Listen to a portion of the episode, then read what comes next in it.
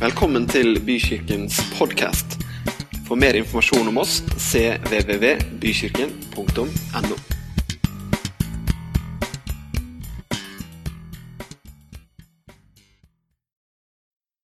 Vi vil jo at ting skal gå fort, som regel.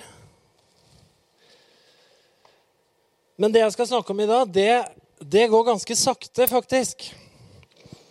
Og veldig ofte så er det sånn at uh, ting som uh, lages over tid, smaker mye bedre enn ting som går veldig fort. Alle vet at hurtigmat det er et sånn nedlatende uttrykk. ikke sant?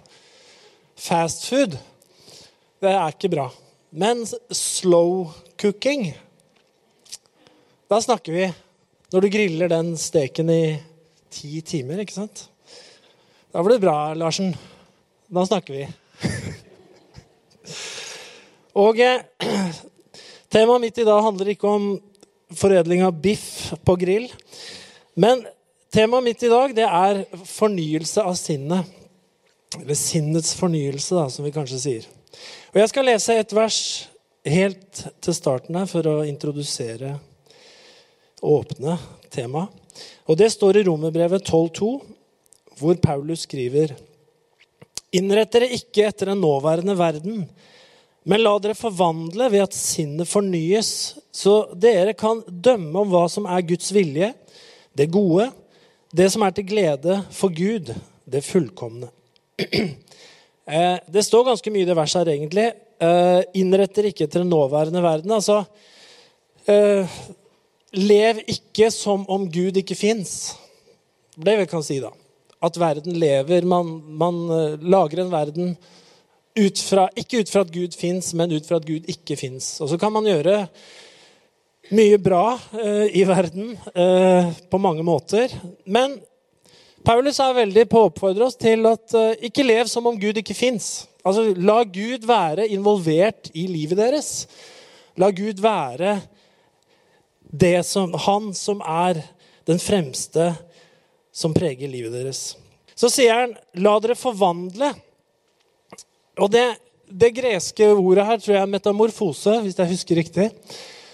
Metamorfosis. Metamorfose, og Bent Ove nikker der sikkert riktig. Eh, og det er jo eh, Det betyr egentlig Det betyr jo forvandling, men det betyr jo å få en ny skikkelse.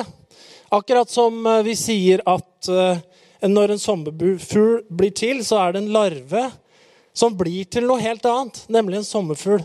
Og Da har den gjennomgått metamorfose. altså Du får en ny skikkelse. da. Så det Paulus snakker om her, er jo at gjennom fornyelse av sinnet så kan du og jeg få nye skikkelser. Altså, vi kan, vi kan bli en helt annen enn den vi var. Vi kan bli totalt annerledes enn det vi var før. På samme måte som en larve var trist, grå, slimete, kjedelig, så blir det en, en vakker sommerfugl med masse farger som kan fly av gårde. Det er et veldig fint bilde. Å gjennomgå metamorfose. Så det Paulus sier, er at vi kan gjennomgå en voldsom endring. da ved at sinnet vårt fornyes. Ikke bare sånn lite grann, men vi kan bli veldig endra om sinnet vårt fornyes, tankene våre fornyes. Teksten handler jo om fornyelse. Og at noe fornyes, forteller oss også en stor sannhet, nemlig at alt må, som er bra, må en eller annen gang fornyes for igjen å være bra.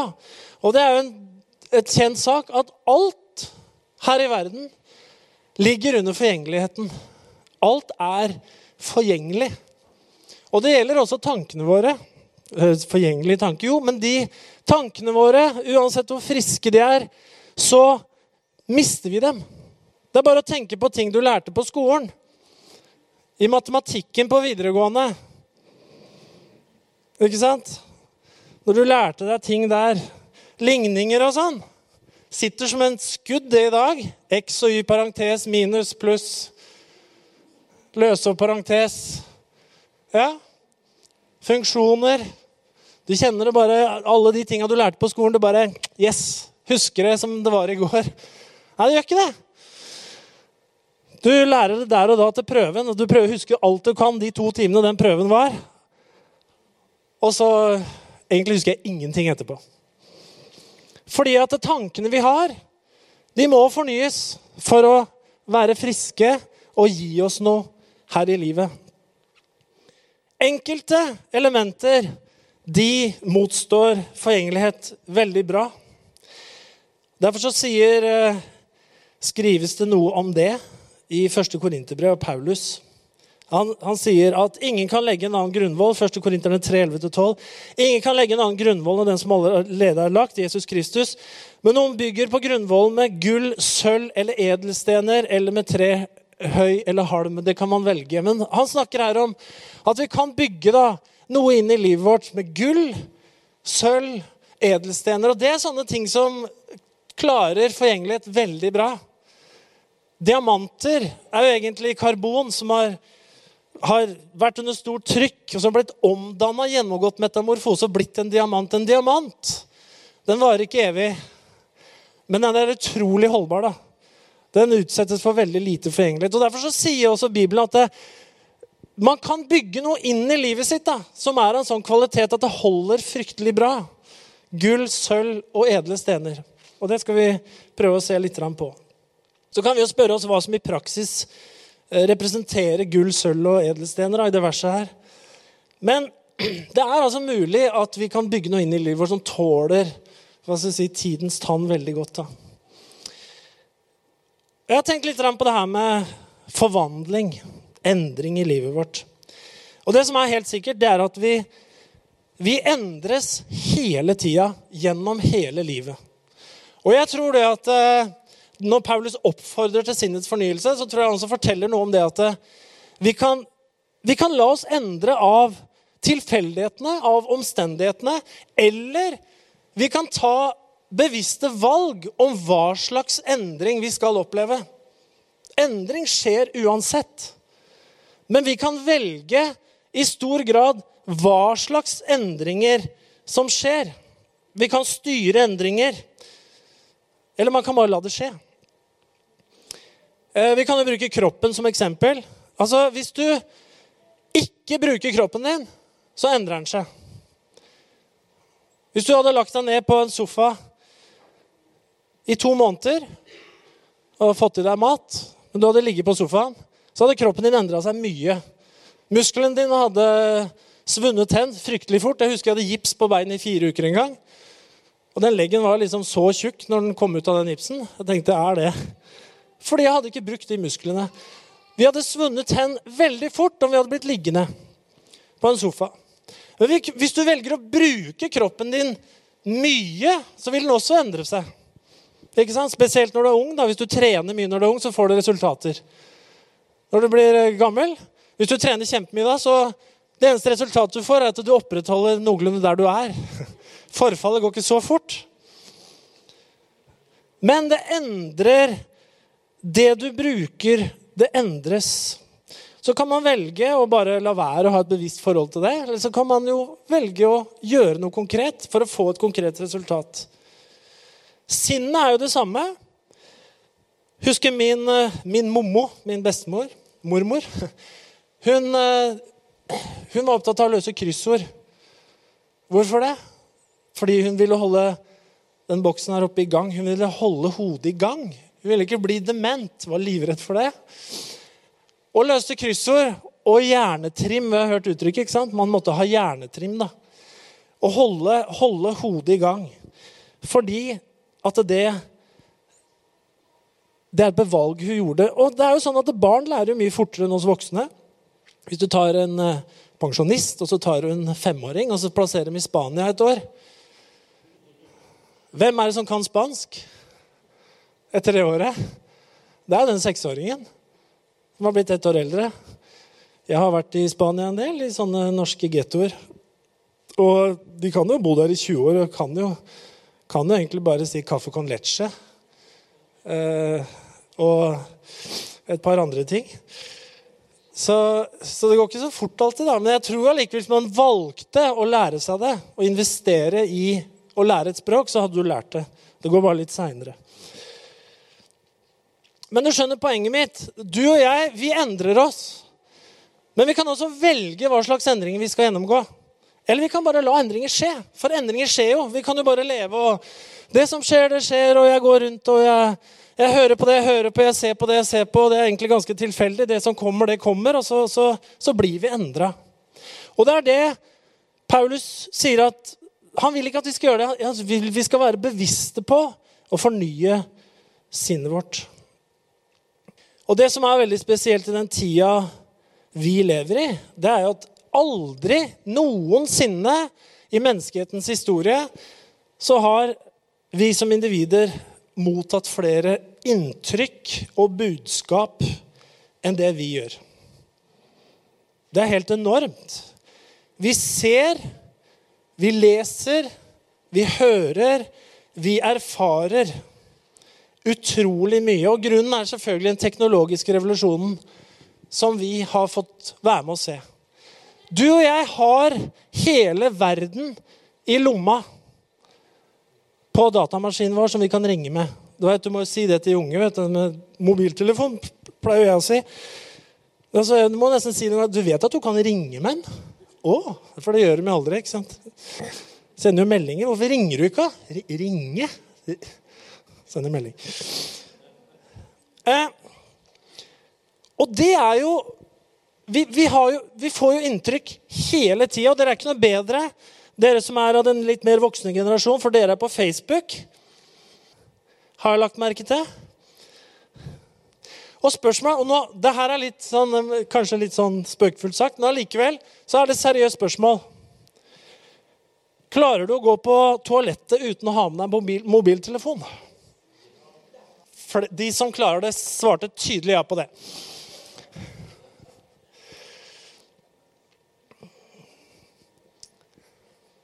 Hvis du har glemt mobiltelefonen din hjemme, føler du deg da litt naken?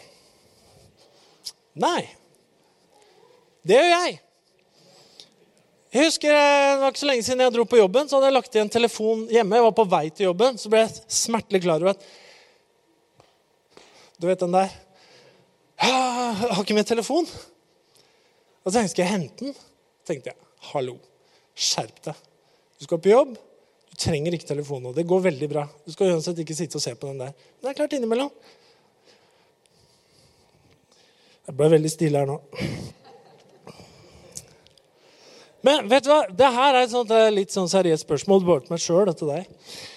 Fordi at eh, Sånn som vi lever nå da, med den telefonen, det plinger jo en pling, pling, bzz, ting, ting, ting. Det var ikke min telefon, det er din lyd. ikke sant? Du hører den hjemme. Når du er en familie, så er det mange lyder da, ikke sant, rundt i huset. som Det plinger jo inn med meldinger.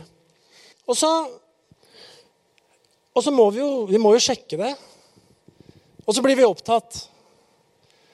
Uh, 'Ja, kommer du snart, eller? Da, middagen er jo ferdig.' 'Ja, jeg må bare skrive en melding.' Hvorfor det? Jo, jo jeg fikk jo akkurat den, så jeg på en måte er tvunget til jeg må, jeg må svare.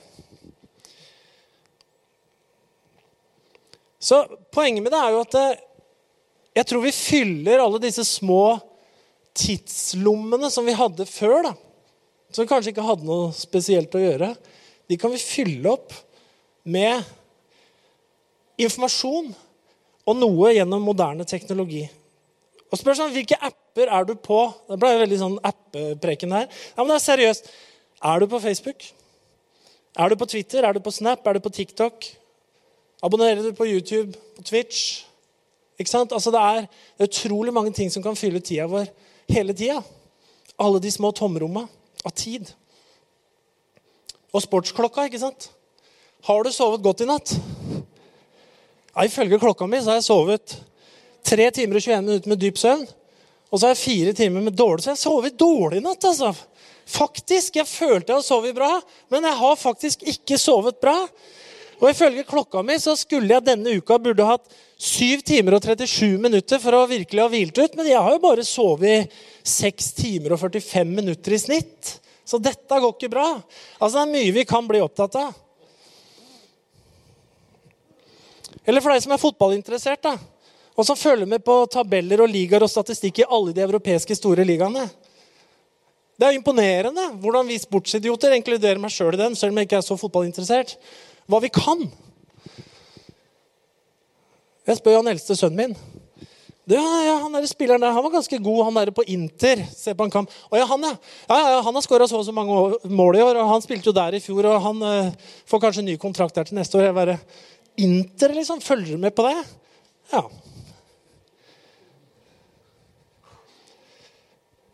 Men det er mye som kan ta tida vår i dag, som ikke tok tida vår før. Eh, Jesus sier i Matteus 6, vers 5-6, så sier han Når dere ber, skal dere ikke gjøre som hyklerne, de som liker å stå i synagoger og på gatehjørnene og be og vise seg for folk. Sannelig, sannelig, sier jeg dere, de har alt fått sin lønn. Men du, når du ber, skal du gå inn i rommet ditt og lukke døren og be til din far som er i det skjulte. Og din far som ser i det skjulte, skal lønne deg. Vi kalte jo lønnkammeret før, da, i den gamle bibeloversettelsen. Og Det betyr jo ikke at du jobber på, på lønn, lønnsavdelingen i firmaet eller sitter oppi en lønn. Vi synger jo det. Den fattige jomfru satt i lønn. Men eh, lønn, lønnkammer, betyr å være skjult, ikke sant? Å være i lønn.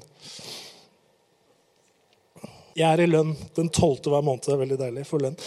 Nei, ikke det det betyr. Det betyr å være i det skjulte. I den oversettelsen norske så står det 'gå inn på rommet ditt'. Det høres jo unektelig ut som jeg skrev til tenåringer som fortsatt bor hjemme og har eget rom. Jeg har ikke eget rom hjemme, i hvert fall. For hele, vil, jeg har liksom hele huset. Men i den engelske Messenger-oversettelsen så står det 'Find a quiet, secluded place so you won't be tempted to role play before God'.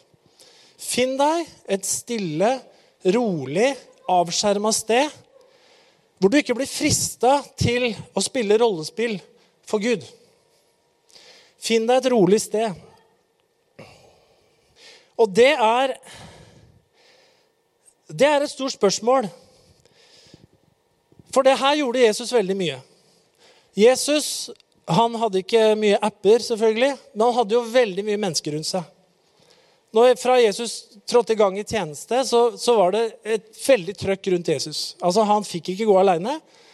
Når Jesus var et sted, så kom det kanskje tusenvis av mennesker til. Og de fulgte etter han.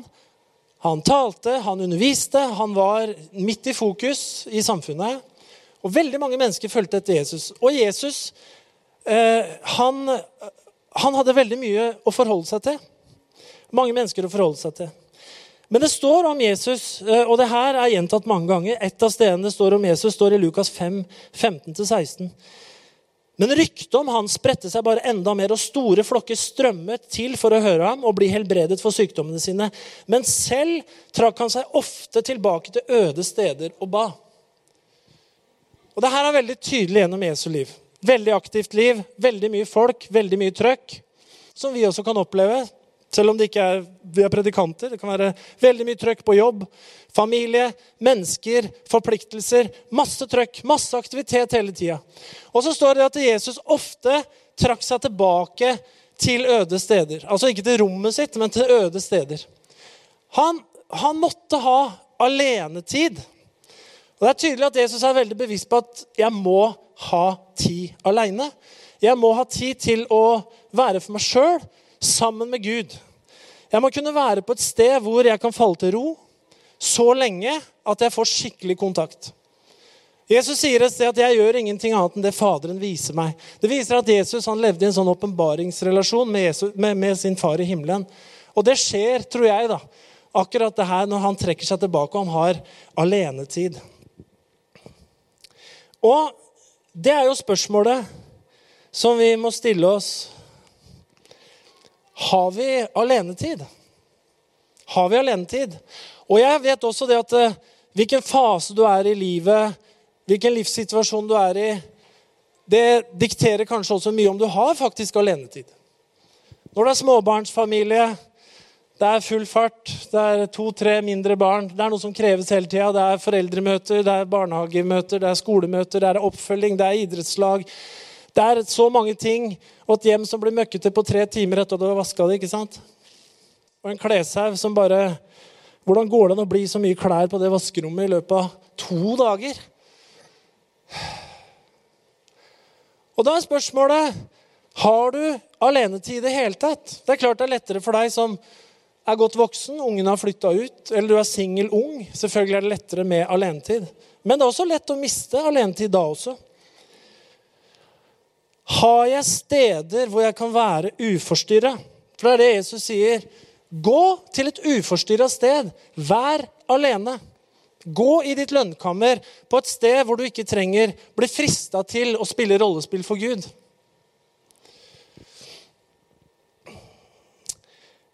Og jeg, jeg tenkte litt tilbake. Jeg har jo vært gjennom småbarnsfaser og når jeg var ung og ikke var gift, og var aleine. Da hadde jeg mye mer tid. Men det er klart at eh, det er klart at mange, Noen av de største beslutningene jeg har tatt i livet, da, som har på en måte satt retning for livet videre, klart, de beslutningene har jeg klart å ta når jeg har hatt alenetid. De beslutningene har aldri skjedd sammen med andre. Det har skjedd når jeg har vært aleine. Og noen ganger så tar det ganske mye alenetid før du klarer å komme fram til en kanskje livsavgjørende beslutning. For det er så mange Hvis Gud ønsker å endre en retning i livet ditt, da, så kan det ta ganske lang tid. Fordi når vi lever et liv, når vi er på én vei, så har vi kanskje mange forpliktelser på den veien. Vi har kanskje mange ting som, som hefter ved den veien vi er på. Så skal vi gjøre en endring, så kan det, det, kan, det kan berøre relasjonene våre.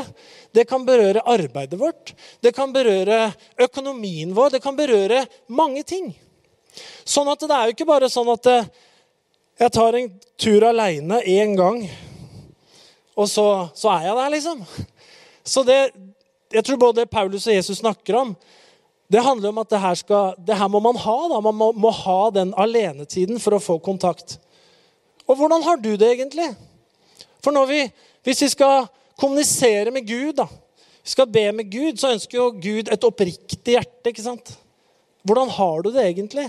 Det kan ta litt tid å komme fram til hvilke bønner skal jeg faktisk be. da?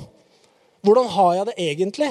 For når det går så fort, og det er så mye beskjeder, og det er så mye som fyller de små romma i livet vårt med beskjeder, bilder, budskap, følelser, ting vi forholder oss til, så får vi kanskje aldri tid til å ha kontakt med hvor vi faktisk er i livet. Det viser seg jo det at at øh, psykisk uhelse øker hele tida blant den unge generasjonen. Og det er noe man lurer veldig på. da. Hvorfor det? Og det er flere Uten at jeg har studert det i dybden, så er det i hvert fall også mange som mener at det her med den voldsomme informasjonen som man får inn utenfra alle disse forbildene, alle disse idealene, alt man skal være, alt man skal føle noe om, alt man skal mene noe om, det gjør at du mister jo kontakt med deg sjøl til slutt. Og så forsvinner du litt. Hvem er jeg egentlig? Hvem skal jeg være? Og Derfor så, så er jo det å ha den kontakten med Gud, med sin far, da, det handler jo om å, om å være hjemme, da, om å komme hjem. Man kommer jo hjem til Gud. Man er hos sin far, som har skapt oss, som vet hvem vi er, og som kan virkelig gi oss en retning på livet. Men hvis vi aldri er stille, hvis vi aldri er aleine Du kan spørre deg sjøl hvor mye er du aleine. Nok til å få den roen, da. Og Du kan også spørre deg selv hvor mye gir du rom til den du lever sammen med, til å være aleine. Det er jo ikke alle ektepar for eksempel, som er flinke til det. Hvis du sier jeg trenger, jeg trenger å være en del aleine Ja, men hallo! Har du sett åssen det ser ut her hjemme? Vi burde jo ha vaska huset. Martha, Martha. Altså det er, det, er som det er alltid noe som skulle vært gjort. Er det ikke det? Alltid noe som kunne vært gjort. Så det virker jo sånn lite fruktbart. da. Ja, du skal ha alenetid. Ja. Ja. Gi hverandre alenetid, da. Det er en bra investering i ektefellen din. Litt alenetid. Det er veldig bra. For det her er det Jesus sier. Gå på et stille, rolig, avsondra sted hvor du kan ha nok tid til at du kan få skikkelig kontakt. Amen. Og jeg tenker at man kan velge, da. Man må også velge litt. Skal jeg fylle alle tidslommene i livet mitt med et eller annet som bare ramler inn hele tida? Du blir forandra. Vi blir forandra av alt vi tar inn. Dette handla om alenetid og bønn, den åndelige sida, på en måte. Det er ikke noe mindre åndelig det andre eh, som jeg skal ta med også. I forhold til sinnets fornyelse så er det selvfølgelig uvurderlig viktig det her med å kjenne Guds ord. Eh, når Paulus skriver at sinnet må fornyes, så vi kan vite hva som er Guds vilje, så vet vi at der Guds vilje mest konkret er uttrykt, er jo i det skrevne Guds ord, som vi kan høre og lese. Eh, og Jesus, jeg, For meg så er det noe med det Jesus sier. Det er en av fariseerne, en av de lovkyndige, som setter Jesus på prøve. Eh, I Matteus 22 så stiller han et spørsmål til Jesus. Mester, hvilket bud er det største i loven?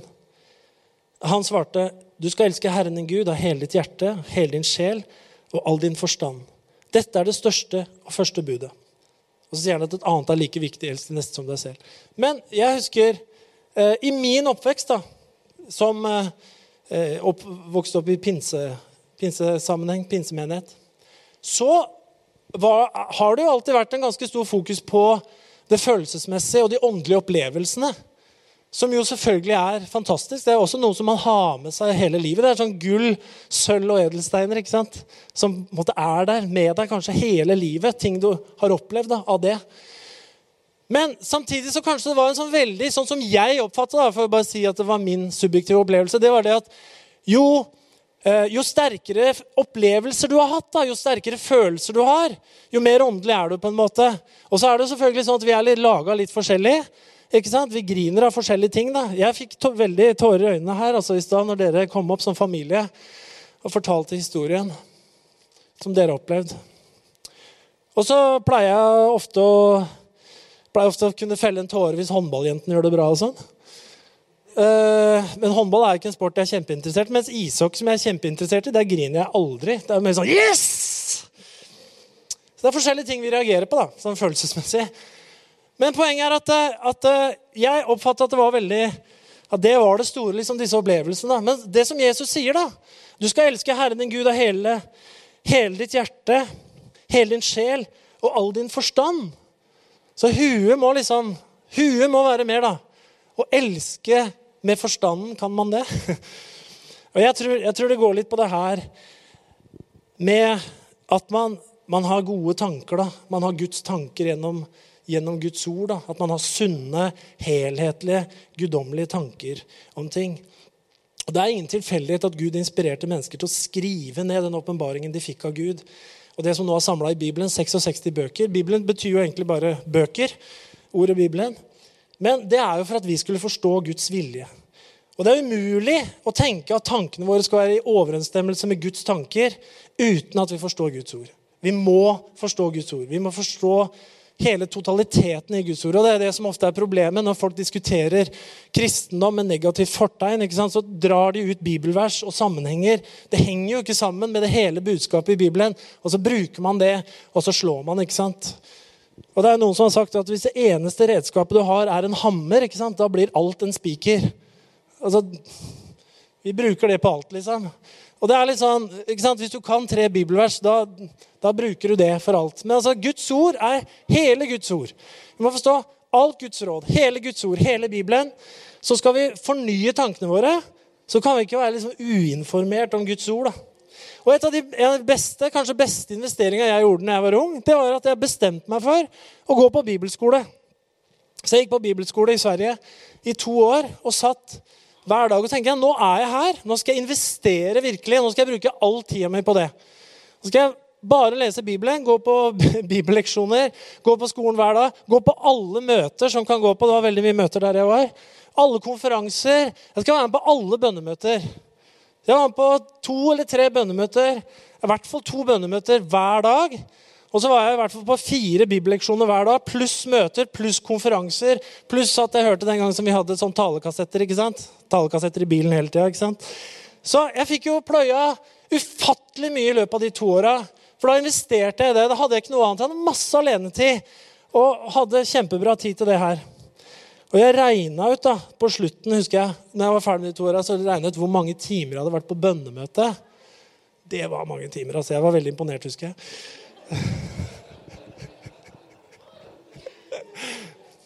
Men, men, greia er jo da at det, det, her det henger jo med videre. da, ikke sant? Man har gjort en investering. Men det også forsvinner. Det også må fornyes. Det må faktisk det, altså. Hvis ikke så feider det ut, akkurat som de der ligningene du kunne en gang. Altså, det, det feider ut. Og så kan man lett bli offer for det ene verset da, som noen begynner å hamre på. Fornye handler om å få ting fresht igjen, og alt må fornyes. Og nå er det sånn at eh, jeg har lyst til at dere skal få høre et sånt veldig friskt eksempel på det her, som gjelder Guds ord. På ei som eh, tok et valg om det her med Guds ord og skal fortelle litt om det. Og det er faktisk min fantastiske kone, Katrin. Hun har gjort en reise det siste drøye året i Guds ord, og det kunne vært fint hvis du delte litt hvordan det starta, hva det har gjort. Ja, du får bare stoppe meg da hvis jeg sier for mye. ja. Ehm, jeg vil bare starte med å sitere et eh, plussord av Egil Svartdal. Ærlig svakhet er bedre enn innbilt styrke. Det syns jeg er skikkelig fint. Og det passer egentlig veldig bra i forhold til hvordan jeg eh, tenkte i forhold til Guds ord. Eh, jeg har jo levd i ganske mange år nå, men jeg hadde aldri lest gjennom hele Bibelen. For det orka jeg ikke å tenke på engang. For i Gamle Testamentet jeg synes det var så mye elendighet og krig og dom og fordervelse. Og det var jo, så jeg liksom, jeg skulle slå opp og begynne å lese litt i Gammeltestamentet, så ble jeg heller litt sånn nedtrykt. liksom. Så jeg tenkte at ja, ja, det er vel sånn forhold jeg har til Guds ord. Så jeg har vært litt sånn som bare, jeg har lest noen kapitler i Nytestamentet, og jeg har kanskje lest litt i Salmen og litt i ordspråkene, for det har liksom vært greit, da. og så var det mm, ei venninne av meg. Eh, vi pleier å komme sammen og be litt sånn innimellom. Og så var det et eller annet hun sa som bare eh, gjorde sånn at hun motiverte meg til at jeg fikk lyst til å lese Bibelen. Fra perm til perm. Og hun ga meg en sånn bibelleseplan da, hvor jeg skulle lese litt i Gamletestamentet og noe i Nytestamentet. Det var egentlig på ett år, men jeg strekker det over ett og et halvt år. og det er jo greit. Eh, og så tenkte jeg ok, da begynner jeg å lese. Eh, jeg hadde egentlig ingen forventning. Eh, jeg bare tenkte jeg har bare et åpent hjerte, og så begynner jeg å lese. Så får vi se. Så kommer jeg meg gjennom. Og det Jeg tenkte ikke egentlig sånn veldig mye sånn i starten. Men når det var gått en sånn tre-fire måneder, så merka jeg at det liksom begynte å gjøre noe med hjertet mitt. Og det var så rart. Det var akkurat som Gud bare um, gjorde en jobb her inne. Jeg merka liksom begynte å se på Gud med litt nye øyne. For mange ganger når jeg er kommet fram for Gud, så veit jeg jo at det handler om bare nåde. Men jeg tror jeg ofte har hatt litt sånn fordømmelse allikevel. liksom. Ikke følt meg bra nok, selv om jeg vet liksom i Bibelen ja, det er bare nåde, og det er ikke noe jeg kan tilføre. Men allikevel så var det sånn, når jeg har vært en sånn følelse om, om litt fordømmelse. Ofte. Men så merker jeg liksom akkurat som Gud begynte å gjøre nåden mye mer levende for meg. Og når jeg leste om alle disse krigene i Gammeltestamentet, plutselig så ble jeg oppmuntra av det. tenkte jeg, går det an, liksom? og det var jo fordi at jeg så det at ja, Gud selv om det var i Gammeltestamentet, hver gang de vendte hjertet sitt til Gud, så hadde han omsorg for folket og møtte dem på det de lengta etter. Men hver gang de utførte kriger og ofra unger og voldtok og gjorde alt det grusomme som mennesker er tilbøyelige til å gjøre, tenkte jeg ok, sånn har det vært gjennom hele historien. Eh, og så tenkte jeg, og når de så sin elendighet og så vendte seg til Gud, så var han der med sin nåde og plutselig har jeg sett det, at det med oppriktighet Jeg vet ikke hvor mange ganger jeg har lest i Bibelen, og jeg har ikke tenkt på det. At oppriktig hjerte. At Gud har så behag i et oppriktig hjerte. Og det at ikke vi skal gjøre oss til på noen måte, men bare være helt oppriktig innenfor Gud. Og at han lønner hver den som søker han, og tror at han er til, er ærlig, er oppriktig. Og han digger å møte oss på våre behov når vi bare er helt ærlige med den vi er. Så tenkte jeg kjære Gud. Og jeg liksom jugd for meg sjøl i alle år. Jeg tenkte jeg skal binde opp av meg med styrke. og liksom, ja, dette skal jeg klare, og sånn og sånn. Så jeg tenkte liksom åh, Plutselig, etter å liksom ha lest disse månedene, der, så kjenner jeg at jeg klarer å senke skuldrene på en helt annen måte enn det jeg har gjort før i livet. Og det er ikke ikke min fortjeneste. for å si sånn. Det er bare ordet, Guds ord, Guds kraft, som får lov å virke. Og jeg tenkte på, Det tror jeg står i 1. eller andre Korinterne 4.47, tror jeg. Ta meg på det hvis det er feil. Men da står det at denne skatten har vi fått i leirkar. Og det er jo ikke så holdbart. Men takk Gud for det, for at den veldige kraften er av Gud og ikke av oss selv. Og jeg er så glad for at jeg ikke trenger å prestere noe. Jeg kjenner at det, jeg blir bare så rørt. Jeg tenker jeg må bare, jeg tror jeg har kommet meg gjennom en gang, så må jeg gjøre det en gang til. For det, det, er en sånn, hvis vi kan si det, en sånn progressiv åpenbaring. Og den tror jeg kommer til å være her helt til jeg ikke er med på jorda. Så, og det er liksom, Jeg trenger ikke å gjøre den sjøl. Bare åpent hjerte og la ordet virke. Og Gud han er så nådig god mot alle og enhver. Takk og lov for det. Amen. Dagens predikant der, altså. Amen. Guds ord gjør sin virkning. Og det har hun snakka så mye om. Etter hvert som liksom, ja, etter tre måneder eller sånn, så begynner det å skje noe her. altså. Og Du har jo sånn gammeldags eh, Du har ikke app, bibelleseplan-app engang. Du har sånn ark som du krysser ut etter hvert. da. Så for dere analoge så fins det. Gå til Katrin, så kan dere få en analog bibelleseplan. Og det eh, skal egentlig jeg eh, Nå skal jeg runde av. Eh, gutta hjemme de, de, er midt i tenåra, og de snakker stadig om å ta en challenge. At de er med på en challenge. Så jeg tenkte kanskje jeg skulle gi en liten challenge. da. Oversatt til norsk betyr det utfordring, for deg som var litt usikker. Eh, og det er to ting, da. Det ene er det som jeg snakka en god stund om. Alenetid. Har du alenetid? Har du nok alenetid? Og gir du alenetid til de du eventuelt eh, bor og lever sammen med? Ektefellen din? Og det tenker jeg at det kan du tenke litt på om du har. Og hvis du ikke har det, så får du en challenge av meg nå på å begynne å skaffe deg alenetid. Du, hvor du faktisk har tatt en bestemmelse på at uh, denne tida her skal jeg ha aleine. Og jeg skal ha nok tid til at jeg får god kontakt med Gud og meg sjøl. Sånn som Jesus gjorde. For det er hektisk. Jeg vet at de fleste av dere har fryktelig hektiske liv. Det er alltid noe vi kan finne på. Og det andre det handler jo om det her ordet og inntrykka som vi tar inn. da. Eh, det er klart, hvis du hvis, hvis, Jeg bør ikke si du, jeg bør ikke si jeg. Hvis jeg er på syv forskjellige apper som plinger inn med meldinger og, og sånn hele tida, og i tillegg er sportsidiot, og i tillegg til det tilfeldigvis følger med på en har begynt å se på en serie på Netflix som har syv sesonger, og det er 20, 20 episoder hver sesong, så er det klart tida fyller seg relativt fort opp. da.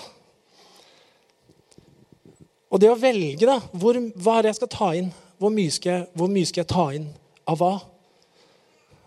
Det er også en veldig relevant utfordring i vår tid. Og da kontrasten til Katrin, som jeg bare sier har gjort en sånn utrolig spennende reise det året her, med å ta en bibelleseplan. Tørr, et tørt ark. Og så er jeg bare begynner å lese. Og så skjer det noe, da. Ganske fantastisk, egentlig. Du har vært kristen veldig lenge. Så det som på en måte skjer gjennom bare å lese seg gjennom til og med ettertavler og kriger i Glamtestamentet, får en sammenheng som plutselig blir til åpenbaring. Det er fantastisk. Jeg tenker lovsangsteamet kan komme opp. Og så kan vi reise oss. Og så kan du begynne å spille litt. Og så, eh, mens Kenneth begynner å spille, så ber vi litt sammen. Og så tror jeg på det at noen ganger når vi bare liksom uh, står og ber litt sånn, og er uh, aleine med Gud, så kan vi så får vi litt hjelp av Den hellige ånd til å kjenne etter og tenke litt på livet vårt. Hvordan er det her for meg? Herre, vi takker deg for at du egentlig har gjort det ganske enkelt for oss. Du har gjort alt ferdig, fullkomment på Golgata. Alt er av nåde. Og så har du sagt at du er en kilde som aldri, aldri går tom. Du har det levende vann som vi kan drikke av. Du har sagt at om vi banker på, så lukker du opp for oss. Og vi kan komme inn, og vi kan spise sammen med deg. Vi kan ha måltid sammen med deg og bli mette på innsida. Og så har du gjort det enkelt på en måte, Herre, med at du har gitt oss ditt ord som vi kan lese. Og du har gitt oss Den hellige ånd, som gjør at når vi er aleine og setter oss til side, så taler du til oss. Og så tar vi med disse tinga i dag, Herre. Og ber, ber, også deg om å lyse litt på vårt eget liv. Hvordan vi lever, om vi har tid, om vi tar tid til å være aleine. Om vi tar tid til å være i, på det rommet, på det stedet hvor vi kan få kontakt med deg. Få ordentlig kontakt med oss sjøl. Herre, vi takker deg for det. Jeg ber om at du skal inspirere og veilede hver enkelt i dette rommet til å ta gode valg, Herre, som kan bære frukt for ditt rike. Det takker vi deg for. Takk for at mye av den endringen som vi kanskje søker etter i det plutselige og korte, mange av de endringene skjer over lang tid. Takk for at vi kan gjennomgå denne forvandlingen hele tida, som du snakker om. Denne metamorfosen hvor vi går fra å være noe til å bli noe mer. Og uansett hvor vi er, Herre, så kan vi fortsette å bli noe mer enn det vi har vært. En større velsignelse. Takker deg for det. Nå priser vi Gud med litt lovsang. Og så har du den challengen, ta med deg disse tankene videre inn i hverdagen.